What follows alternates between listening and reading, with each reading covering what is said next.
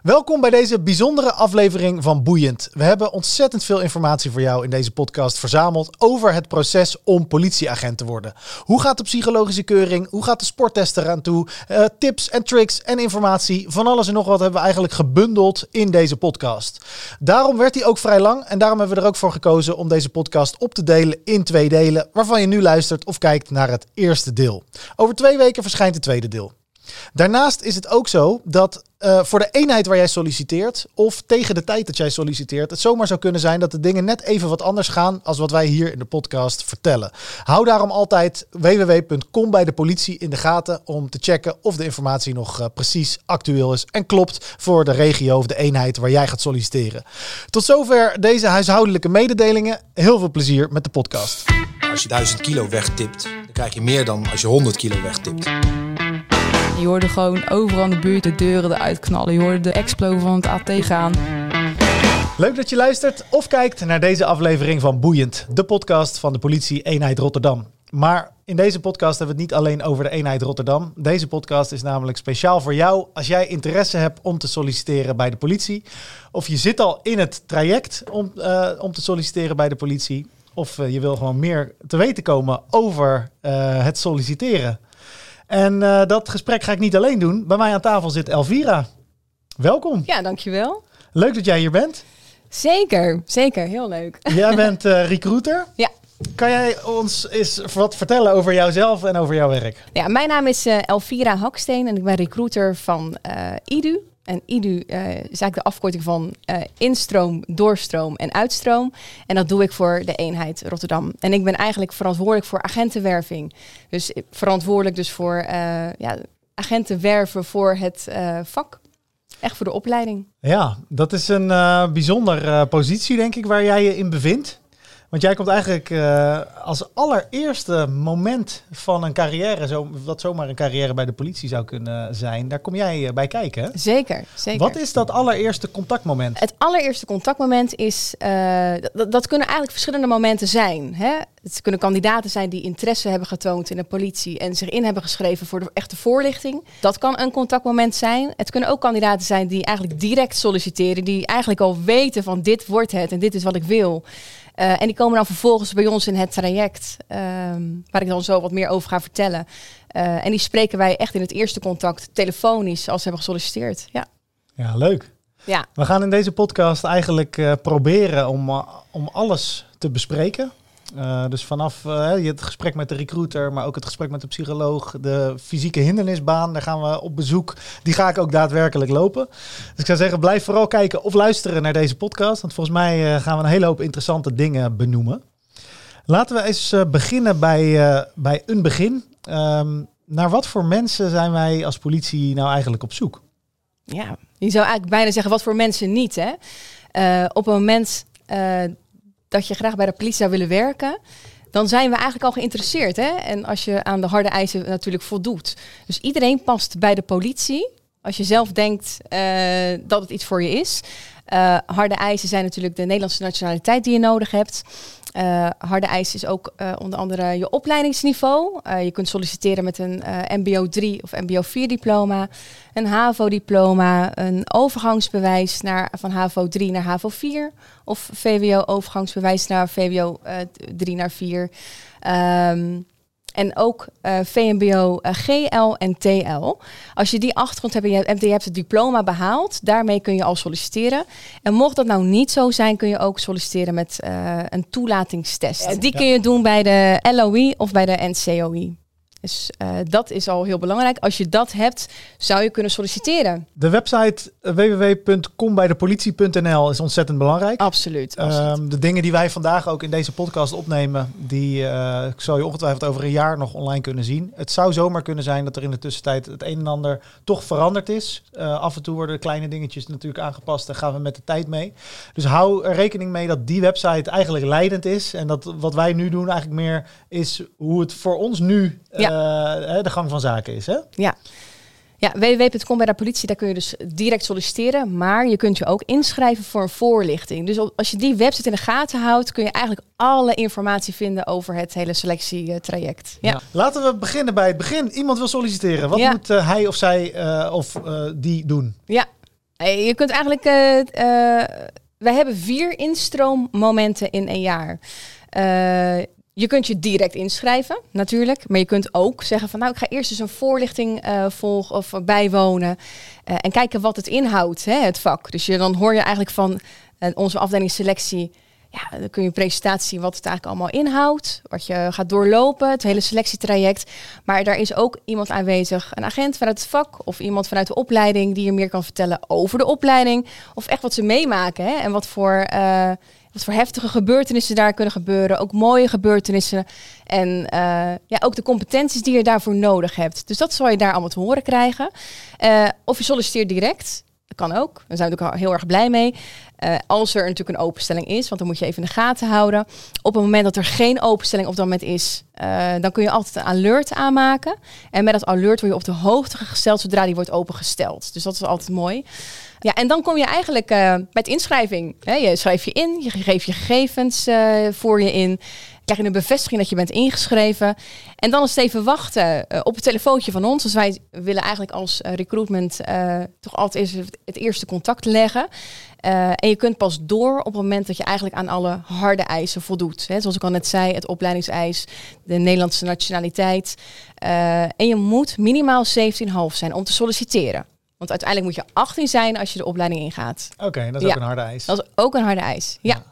Hoe ziet dat er voor de rest uit, zo'n zo die online inschrijving? Ja, nou, uh, je schrijft je in, dus je krijgt de bevestiging en vervolgens krijg je contact met ons. Na contact met jullie krijg je een uitnodiging voor het psychologisch onderzoek met een aantal testen. Uh, op het moment dat uh, de testen worden verstuurd, dan krijg je eigenlijk een mail met de link naar de testen.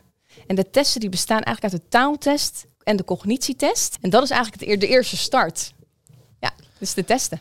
En die ga je dus ook meteen dan uh, doen op het moment dat je je inschrijft? Ja, en daar kon, zit ook altijd een... Uh, dat, dat, ligt er een beetje aan, want we hebben testbatterijen. Dus ze worden één keer in de zoveel tijd worden ze verstuurd. Uh, en op het moment die is verstuurd, dan heb je een week de tijd om ze te maken. Dus let oh. ook altijd op die deadline, want er zit een, zelfs een datum plus een tijdstip voordat je hem moet maken. Dus die is altijd heel belangrijk. Die taaltest, kan je daar wat meer over vertellen? Hoe zit, dat, hoe zit die taaltest in elkaar? Is dat een soort Nederlands dicté of zit er wat meer achter? Ja. ja, er zit wel meer achter. de taaltest wordt afgenomen omdat eigenlijk in het werk gewoon heel veel denkwerk, leeswerk, maar ook schrijfwerk zit. Je moet veel procesverbalen opstellen, dus gewoon heel erg belangrijk dat je de Nederlandse taal goed beheerst. en in die taaltest komen eigenlijk de volgende onderdelen naar voren: grammatica, woordenschat en begrijp het lezen. Dat zijn eigenlijk de onderdelen die voorbij komen. En die doe je dus eigenlijk uit het gemak van je eigen huis, samen met die cognitietest. Ja. Dan kan ik me voorstellen dat iemand denkt van nou, dan zet ik gewoon mijn vader ernaast. Dan uh, doen we het samen en dan uh, ben ik door de eerste hoep alvast heen gesprongen. Ja, precies. Nou, ik raad je niet aan. Uh, zeker niet voor taal, omdat het echt heel erg belangrijk is dat je het beheerst. en daarnaast voor de cognitietest is het heel belangrijk dat je dat echt zonder hulpmiddelen doet. Het enige wat je mag gebruiken is een papier en een pen. Die ga je ook echt nodig hebben, want je zult voor jezelf echt dingen moeten opschrijven of ontcijferen. Ehm, en eigenlijk in het vervolg van de selectieprocedure uh, komt ook de verificatietest naar voren. Dat is eigenlijk op de dag van de sporttest. Uh, gaan we ook een verificatietest afnemen. Daar start je mee. En uh, met die verificatietest gaan we eigenlijk. het is een, de cognitietest is een adaptieve test. En dat betekent dat je eigenlijk op een, op een basisniveau start. En die test die zoekt jou, echt jouw hoogste kunnen op. echt jouw niveau. En die verificatietest die start ook op het niveau waar je bent gebleven thuis met de testen. Dus op het moment dat je toch hebt zitten sjoemelen, dan komen we erachter, want dan ga je het niveau niet halen tijdens de verificatietest. Dus die test die gaat het je eigenlijk een beetje moeilijk maken? Ja, die test maakt het je absoluut moeilijk. Dus uiteindelijk gaat iedere kandidaat die de test maakt, de test moeilijk ervaren. Ja. De cognitietesten die bestaan ook uit weer bepaalde onderdelen. Dat zijn uh, woordrelaties, cijferreeksen en letterreeksen. Uh, nou, zoals ik al zei, basisniveau waar je mee start. En dat wordt dan iedere keer steeds moeilijker naarmate je goede vragen uh, beantwoordt. Ja. Wat ook heel erg leuk is uh, om uh, nog te melden, is dat op onze website www.kombijdepolitie.nl hele toffe filmpjes zijn gemaakt over ja, wat meer uitleg over de strategieën die je eigenlijk tegen kan komen. En die zijn allemaal in de, te vinden ook in de links van deze, van deze podcast. Ja, ja, het is echt heel handig om die van tevoren even te bekijken. Dus stap 1. Je meldt je aan. Dan eh, komt er een moment waarop jij eh, je testen eh, thuis kan gaan doen. De taaltest en de cognitietest. Ehm, en dan?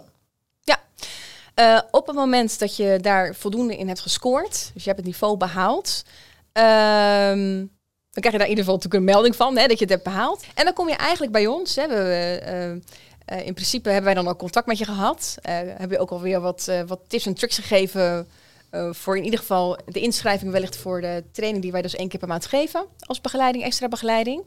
Eh, en dan kom je eigenlijk bij het intakegesprek. Met een recruiter. En als Ja. ze geluk hebben met jou. Ja, ja. ja ik heb ook hele andere leuke collega's. Oh, gelukkig. Ja, ook heel leuk. Uh, maar het kan ook dus bij mij inderdaad zijn.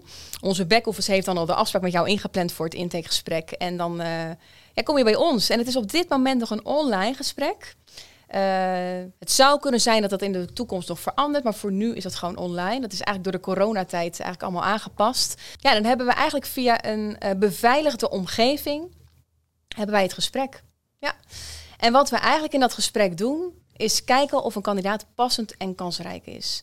Eh, en dat doen we eigenlijk door middel van heel veel vragen stellen. Ja, dus we kijken even aan de voorkant of de gegevens kloppen van de kandidaten die in ons systeem staan.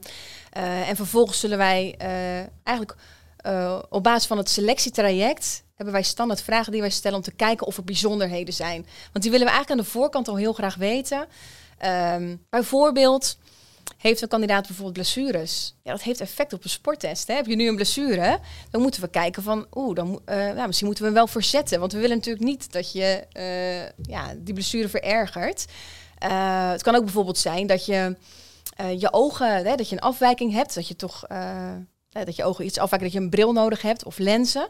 En in principe is dat niet erg, maar je moet wel voldoen aan de eh visus-eis. Nou, die visus-eis is dan weer op onze website te vinden. Ehm, en met die visus-eis verwijs ik dan ook de kandidaten vaak even naar de opticien. Van ga even langs voordat je straks naar de medische keuring gaat. Check even je ogen en voldoe je eraan. Of wellicht ehm, is bijvoorbeeld een laser nog een optie. Dus er zijn altijd nou, verschillende manieren om erachter te komen ja, of er bijzonderheden zijn. En die willen wij dus aan de voorkant wel weten, want dan kunnen we kandidaten alvast op wijzen. Ja, dus vrij praktisch dan eigenlijk. Ja, praktisch, maar ook bijvoorbeeld, ja, ben je wel eens in aanraking geweest, gekomen met de politie? Misschien op een negatieve manier, of misschien heb je wel eens een getuigenverklaring afgelegd. Sta je op de een of andere manier in de systemen? Eh, of heb je schulden? En dan heb ik het niet over een, een studieschuld, maar dan heb ik echt over schulden die je ergens hebt opgebouwd, waardoor je chantabel kunt zijn. Die willen wij ook weten. Hè? Is er een, ja, kan het bijvoorbeeld problemen aan gaan opleveren in het selectieproces? Nou, we willen ook weten of je je diploma hebt behaald, of ben je er nog misschien mee bezig? Dan kunnen we daarop gaan sturen. Eh, dus dat zijn altijd hele belangrijke vragen die wij eh, aan het begin willen weten. Ja. En is het gesprek wat jij voert met de kandidaat, lijkt dat dan op het gesprek wat ze daar in een later stadium met de psycholoog eh, voeren? Of is dat eigenlijk, zijn het twee totaal verschillende gesprekken? In principe zijn het twee totaal verschillende gesprekken. Wij zijn ook geen psycholoog. We willen ook niet op de stoel gaan zitten van de psycholoog. Dus wat wij eigenlijk willen weten is...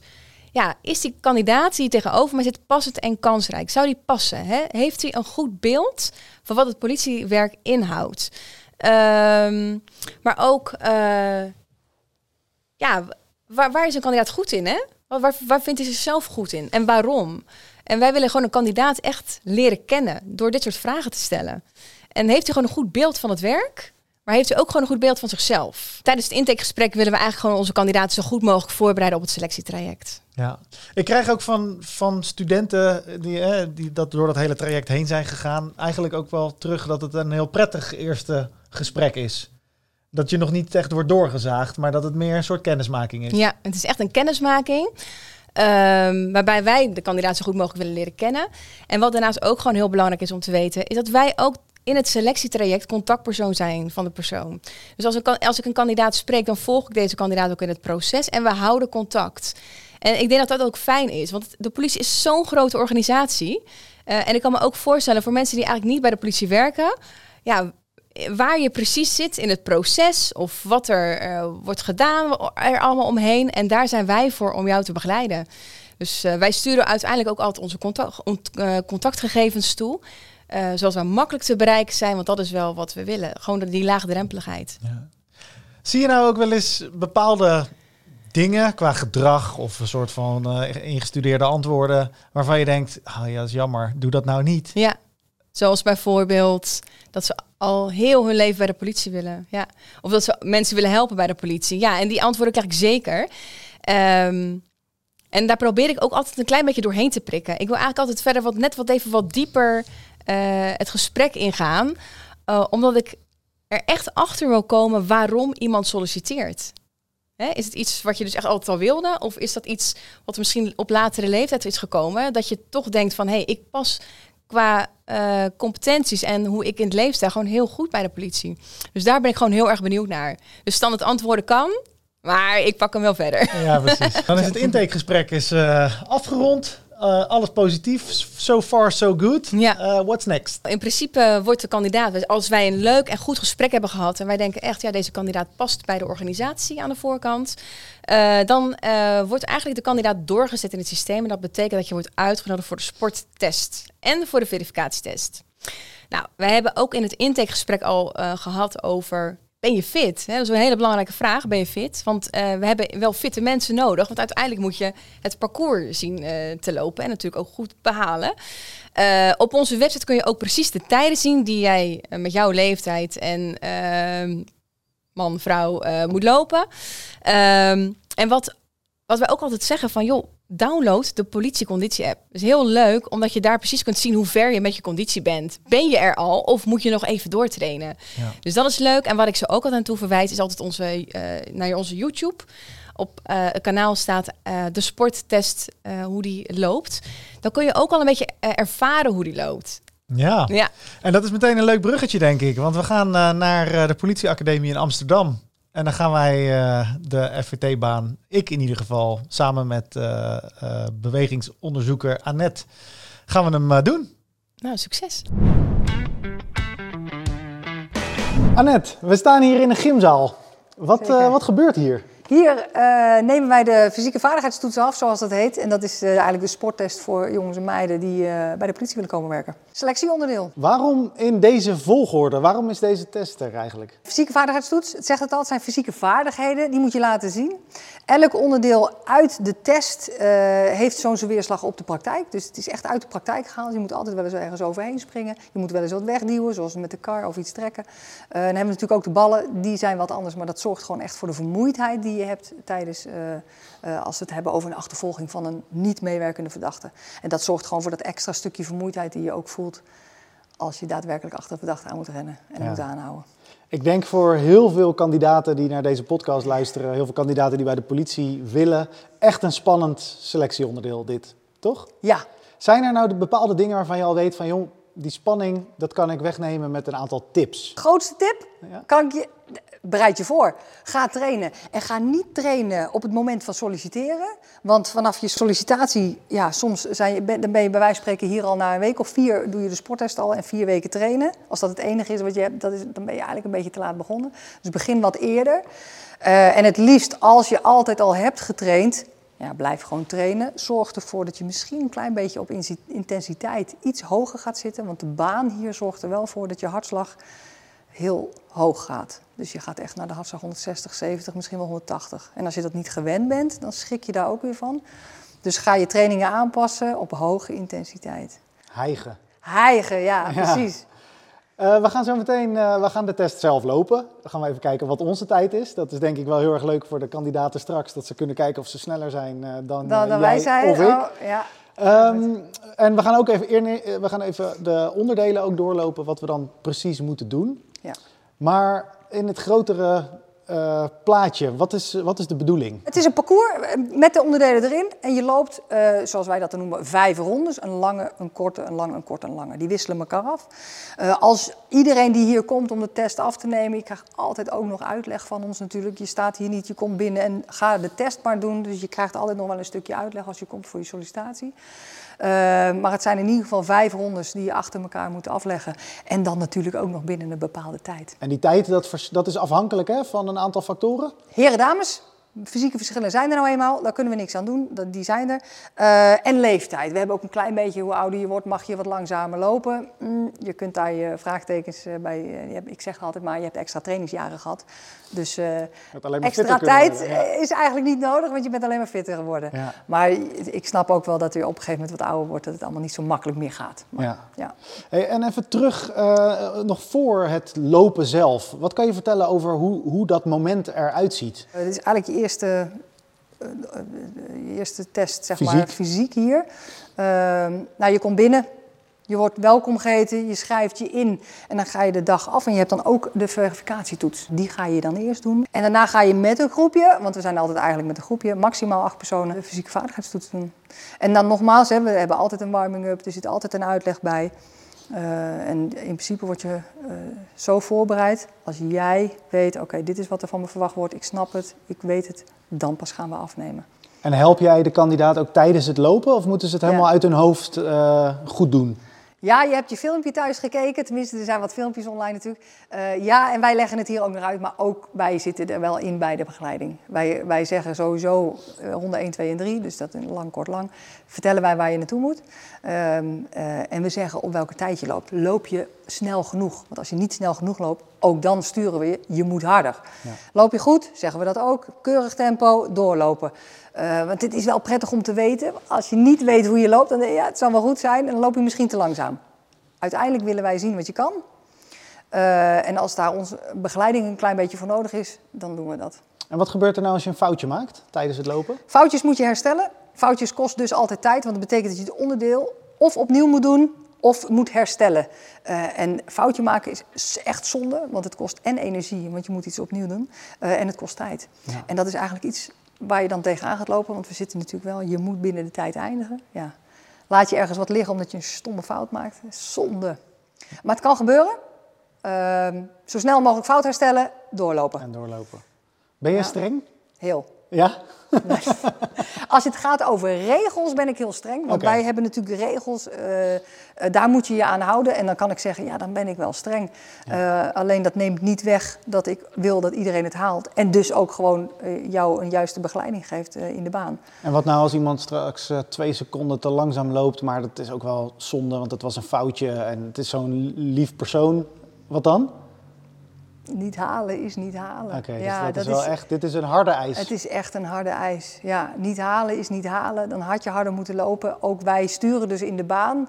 Ehm, dus je weet niet pas aan het einde dat je het niet hebt gehaald. We zeggen natuurlijk al, je moet wel nu iets harder, want anders ga je het niet halen. Ja, zit het er niet in op de dag van toetsen, dan is het niet goed genoeg.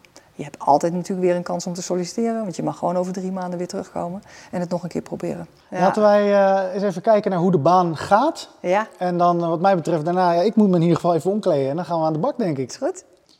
Alright, we staan hier bij het startpunt, volgens mij. Ja. Eh, en ik zie een mooi digitaal apparaat. Ja, wij werken altijd met digitale tijdwaarneming, want dat is de meest zuivere tijd die je loopt. Jij loopt door het startpunt heen, dan start je dus ook je tijd. Eh, we lopen mee voor ons als begeleiding natuurlijk met een stopwatch om te kijken of dat je wel goed loopt. Eh, alleen de digitale tijdwaarnemingssysteem is altijd leidend. Jij zet hem aan en bij de finish zet jij hem uit. En dat is de tijd die je hebt gelopen. Lange ronde, korte ronde. Je begint altijd hetzelfde. Je gaat om de paal en dan kom je uit bij de kast. De kast neem je dus vijf keer. Je moet de baan natuurlijk wel lekker lopen. Je moet niet knijten hard. Knijten hard, dat is hartstikke leuk voor één rondje, maar dat is niet leuk voor vijf. Dus wel lekker vlot altijd de baan lopen, maar niet knijten hard beginnen. Liever knijten hard afmaken dan eh, te snel starten en uiteindelijk eh, de baan niet halen. Plaats een knie op de kast, voet komt erbij, je bent er overheen. En dan tweemaal over een eh, soort fictieve bank. Zo begint elke ronde. En dan hebben we de, de volgende onderdeel is dan de kar. De kar is 200 kilo. lijkt zwaar, is ook zwaar, alleen zitten wieltjes onder, dus uiteindelijk valt het wel mee. Ja, die moet je in de lange rondes duw je de kar.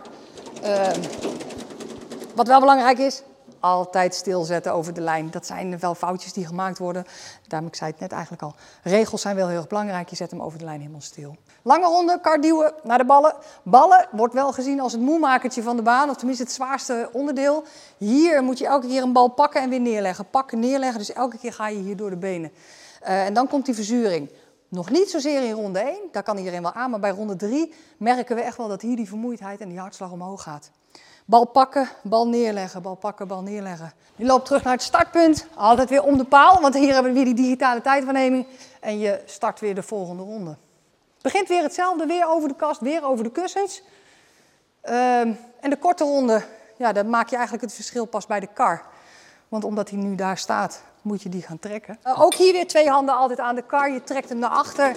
En ook hier geldt natuurlijk, de balk moet over de lijn en je zet de kar helemaal stil. Volgende opdracht in de korte ronde is lengtekast. Je moet er overheen, maar ook hier natuurlijk weer de regeltjes. We hebben een aantal regels. Je, we zien dit als een soort van uh, uh, steegje achter, want we hebben hier twee denkbeeldige muren. En je moet gaan staan. En dat heeft alles te maken met vermoeidheid. Want als je moe bent, je, gaat, je vergeet na te denken, gaat eigenlijk iedereen kruipend over de kast. En om te voorkomen dat je kruipend over de kast gaat, willen we dat je gaat staan.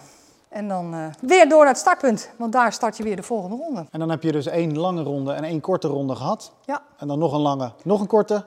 En dan als laatste een lange ronde. Dus dat betekent dat het een ronde is met ballen. De ballen eindigen uh, op deze mat. En dan hebben we de eindsprint. Om de paal, die gaat dan de andere kant op. Om de paal en dan sprint je af. En omdat we met digitale tijdwaarneming werken, loop je dus door de finishlijn. En je zet je tijd stil. Hier is de eindtijd. En die zet jij dus zelf stil. Je hebt hem zelf aangezet bij de eerste ronde. Elke ronde loop je weer door die tijdwaarneming. Want we hebben ook rondetijden van je, vinden we leuk. En uiteindelijk hier zet jij je eigen tijd weer uit. Zo, mijn sportkloffie is aan, zoals je kan zien. En als je alleen luistert naar deze podcast, is het wellicht een mooi moment om even over te schakelen naar uh, YouTube. Heb je met betrekking tot de kleding nog bepaalde tips of dingen die juist wel of juist niet handig zijn? Uh, het moet lekker zitten, maar wat we ook nog wel eens zien, uh, en dat is voornamelijk bij dames, je moet dingen doen. Dus je gaat de kast over, je moet elke keer bukken bij de ballen. Dan hebben we nog wel eens, zeker als je een legging draagt, ik draag ook een legging, dat zie ik heel veel dames doen, maar die zakt nog wel eens af. Dus zorg ervoor dat je even van tevoren, dan zie je mensen hijsen aan die broek als ze weer terugkomen lopen. Dat is allemaal afleiding. Dus zorg wel dat je de juiste kleding, uh, de kleding draagt. Wat niet, uh, is voornamelijk met zakken van de broeken zien we dat nog wel eens. Ja. Maar ook uh, gewoon de trainingsbroeken die je elke keer omhoog moet hijsen. Ja, dat is alleen maar afleiding. Dus comfortabel en schoenen waar je gewoon goed op kan rennen en springen. 3, 2, 1, go! Over de kast, over de kussens. Kom je bij de kar, ga je duwen. Door naar de ballen.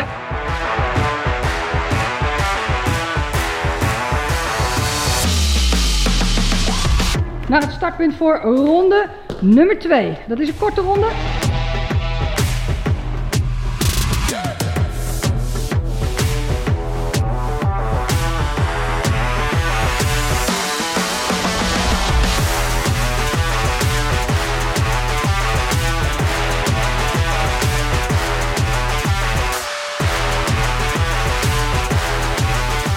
Afmaken die baan. Strepen, strepen, strepen, strepen, strepen. 2, 4 en 5. Daar heb je nog een goede laatste ronde gelopen hoor. Hey, keurig gedaan. Ik ben nu dus uh, echt wel flink aan het hijgen. Er is niks aan gespeeld. Is dat ook de bedoeling? Dat is de bedoeling, daar is de baan voor gemaakt. Uh, de baan, het is een korte baan, drie minuten eventjes voor de heren. Je mag er iets langer over doen, maar we houden een beetje drie minuten aan. Voor de dames houden we een beetje 3,30 aan. De hartslag gaat omhoog, maar dit is ook precies wat je in de praktijk... Je moet achter een verdachte aan als het een keer moet. Ik hoop dat je het met je mond kan oplossen, maar als je een keer achter een verdachte aan moet rennen... dan gaat het altijd hard. Want een verdachte wacht niet op je. Dus altijd, hè, bochtje om, tuintje door, dingetje over, hoppaka, pakken, vasthouden. En dan altijd eigenlijk een beetje rollenbol op de grond. Ja. Want uh, iemand geeft zich niet zomaar uh, over, zeg maar. Uh, en dan is dit ook wat je gaat voelen. Hartslag gaat knijten hard, vermoeidheid, ja... Dit is wat de Ja. politie van je vraagt, maar dit is ook wat je... Maar het is ook een stukje mentaal, toch? Je moet er gewoon Ja. even... Je moet er doorheen, hè? Want het doet zeer vanaf ronde drie. Dan begint die vermoeidheid. En dan zit je in je hoofd natuurlijk. Zit, het doet een beetje Ja. pijn. Ja, het doet zeer, maar ja, je loopt ook door, hè? Ja. Dus, eh, je hoort het. Oude man, 32 jaar. Twee kinderen en een wurghypotheek. 2,54. Kijken of je het kan verslaan. Mijn rechtheid is om sneller te lopen dan jij. 2,54. Altijd competitie, hè? Altijd competitie. Ik krijg natuurlijk regelmatig de vraag van, eh, van mensen ook, ja, maar wat loopt die dan op de baan? Ja, dan zeg ik altijd dat ik hem nog onder de drie minuten kan lopen. Eh, dat moet ik nou wel even laten zien. Dus ik, onder de drie, maar als ik nou de competitie met jou aan kan gaan, 2,54. Ja, mooie richttijd. Go.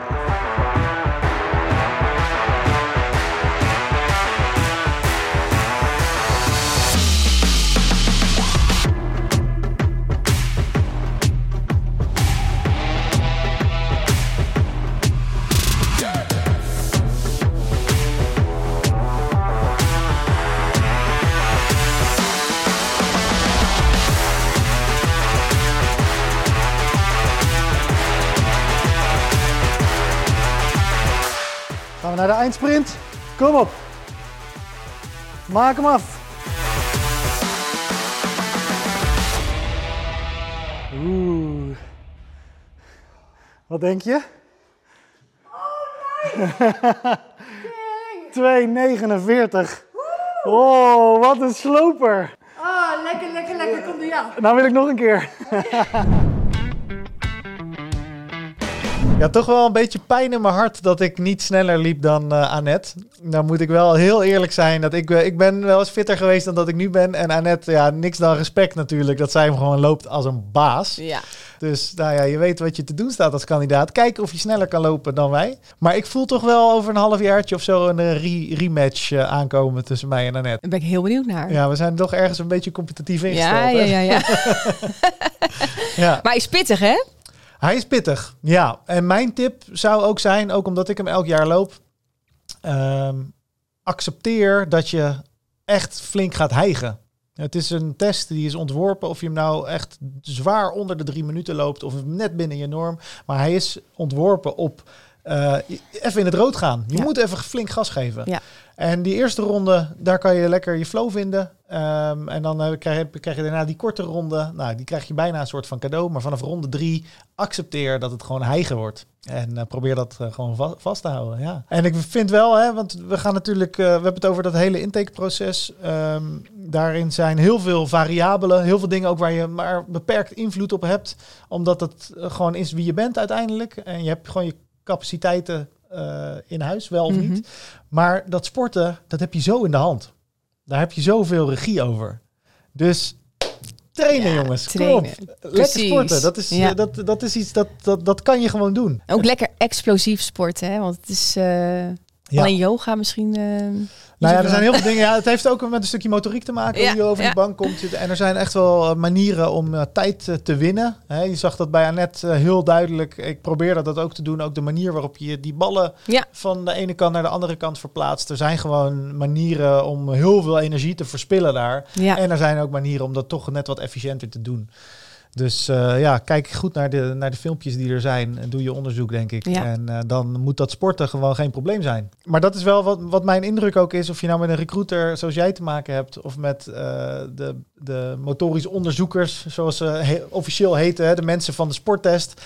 Ze willen je echt helpen. Ja. En de bedoeling is ook dat je het beste uit jezelf haalt. En dat, je, en dat is daar Precies. ook. Het is echt niet zo van, nou jongens, ga het maar even doen. Nee. En we klokken je en nee. zoek het daarna maar uit. Nee.